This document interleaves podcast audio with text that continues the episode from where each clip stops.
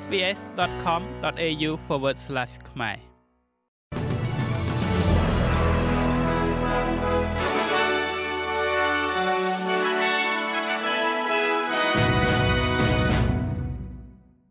សូមស្វាគមន៍មកកាន់នេតិព័ត៌មានខ្លីៗរបស់ SBS ខ្មែរសម្រាប់ថ្ងៃច័ន្ទទី13ខែវិច្ឆិកាឆ្នាំ2023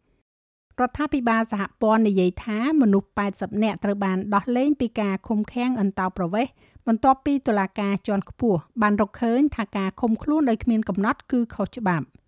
រដ្ឋមន្ត្រីក្រសួងអន្តោប្រវេសន៍លោក Andrew Giles បានបង្ហាញថារដ្ឋាភិបាលបានត្រៀមខ្លួនរួចស្រេចហើយសម្រាប់សេចក្តីសម្រេចកាលពីថ្ងៃពុធទី8ខែវិច្ឆិកាហើយមនុស្សរាប់សិបនាក់ដែលមានលក្ខខណ្ឌទឹកតការសមស្របក៏ត្រូវបានដោះលែងរួចហើយដែរ។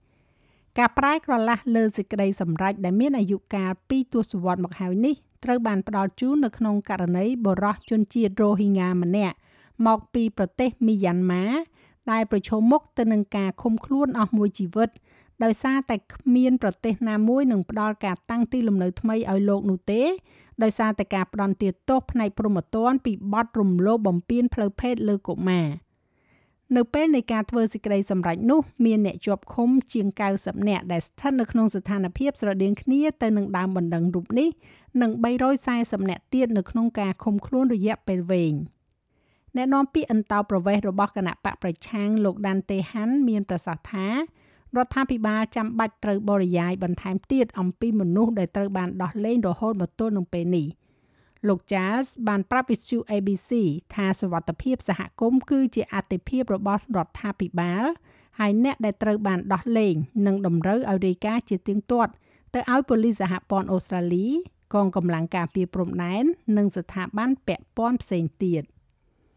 នៅក្នុងចំនួនរវាងអ៊ីស្រាអែលនិងប៉ាឡេស្ទីនឯណោះវិញ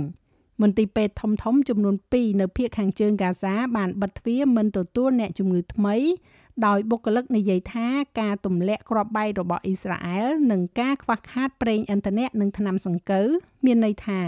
អ្នកដែលកំពុងទទួលបានការព្យាបាលរួចស្រាប់ហើយនោះអាចនឹងស្លាប់សង្គមអត្តច័ន្ទក្រហមប៉ាឡេស្ទីននិយាយថាមន្ទីរពេទ្យ Al-Quds នៅហ្គាហ្សាលែងដំណើរការទៀតហើយ។ អង្គការគ្រូពេទ្យគ្មានព្រំដែន Medecins Sans Frontieres និយាយថាពួកគេមិនអាចតាក់ទងបុគ្គលិកនៅមន្ទីរពេទ្យ Al-Shifa បានទេ ចាប់តាំងពីយប់ថ្ងៃអាទិត្យម្សិលមិញមកម្លេះយោធាអ៊ីស្រាអែលបានបញ្ជាឲ្យប្រជាជនដែលជ្រកកោននៅមន្ទីរពេទ្យ Al-Shifa ចាក់ចេញដូច្នេះខ្លួនអាចធ្វើការវាយប្រហារលើអ្វីដែលខ្លួនអះអាងថា ជាមជ្ឈមណ្ឌលបញ្ជាការរបស់ហាម៉ាស់ដែលដាក់ទីតាំងនៅខាងក្រោមនោះដែលជាការអះអាងមួយដែលក្រុមហាម៉ាស់បានបដិសេធមនុស្សជាង1លាន6សែននាក់ឥឡូវនេះត្រូវបានផ្លាស់ទីលំនៅក្នុងតំបន់ហ្គាហ្សាហើយក្រសួងសុខាភិបាលហ្គាហ្សាបាននិយាយថាជនជាតិប៉ាឡេស្ទីនជាង11000នាក់ត្រូវបានសម្លាប់នៅក្នុងការវាយលុកលើដីនិងផ្លូវអាកាសរបស់អ៊ីស្រាអែលហើយប្រហែលជា40%នៃពួកគេគឺជាកុមារ អ៊ីស្រាអែលវិញនិយាយថាមនុស្ស1200នាក់បានបាត់បង់ជីវិតនៅក្នុងការវាយប្រហាររបស់ក្រុមហាម៉ាស់កាលពីថ្ងៃទី7ខែតុលាហើយមនុស្សជាង200នាក់នៅតែត្រូវបានចាប់ធ្វើជាចំណាប់ខ្មាំងនៅក្នុងតំបន់ Gaza Strip ។ ចុងក្រោយនេះលោកនាយករដ្ឋមន្ត្រី Anthony Albanese បានអញ្ជើញប្រធានាធិបតីចិនលោក Xi Jinping ឲ្យមកកាន់ប្រទេសអូស្ត្រាលី បន្ទាប់ពីអ្វីដែលលោកបាននិយាយថាគឺជាការទំនាក់ទំនងដ៏វិជ្ជមានមួយជាមួយមេដឹកនាំនៅក្នុងប្រទេសចិនលោក Albanese មានប្រសាសន៍ថា រូបលោកនិងលោកប្រធានាធិបតីស៊ីបានព្រមព្រៀងគ្នាថាមេដឹកនាំចិននឹងទៅបំពេញទស្សនកិច្ចនៅប្រទេសអូស្ត្រាលីក្នុងពេលវេលាដែលមានអត្ថប្រយោជន៍ទៅវិញទៅមក ដែលត្រូវព្រមព្រៀងគ្នា ហើយថាលោកក៏ត្រូវបានអញ្ជើញឲ្យទៅធ្វើទស្សនកិច្ចទៅកាន់ប្រទេសចិនវិញផងដែរមេដឹកនាំចិនរូបនេះបាននិយាយថាទីក្រុងប៉េកាំងនិងទីក្រុងខេនបេរ៉ាបានដោះស្រាយនៅបញ្ហាមួយចំនួន ដោយសម្ដៅទៅលើចំណុចនៃចំនួន រួមទាំងបញ្ហាសិទ្ធិមនុស្សការកើនឡើងនៃការគំរាមកំហែងប្រឆាំងនឹងតៃវ៉ាន់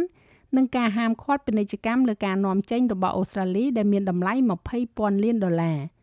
លោក Albanese ដែលបានជួបជាមួយប្រធានាធិបតីចិន2ដងនៅក្នុងអំឡុងពេលទស្សនកិច្ចរបស់លោក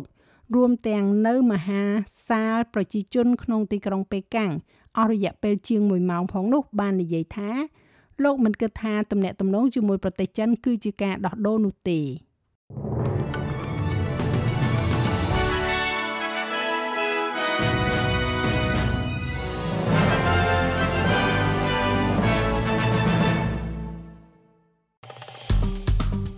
ចុច like share comment និង follow SPS ខ្មែរនៅលើ Facebook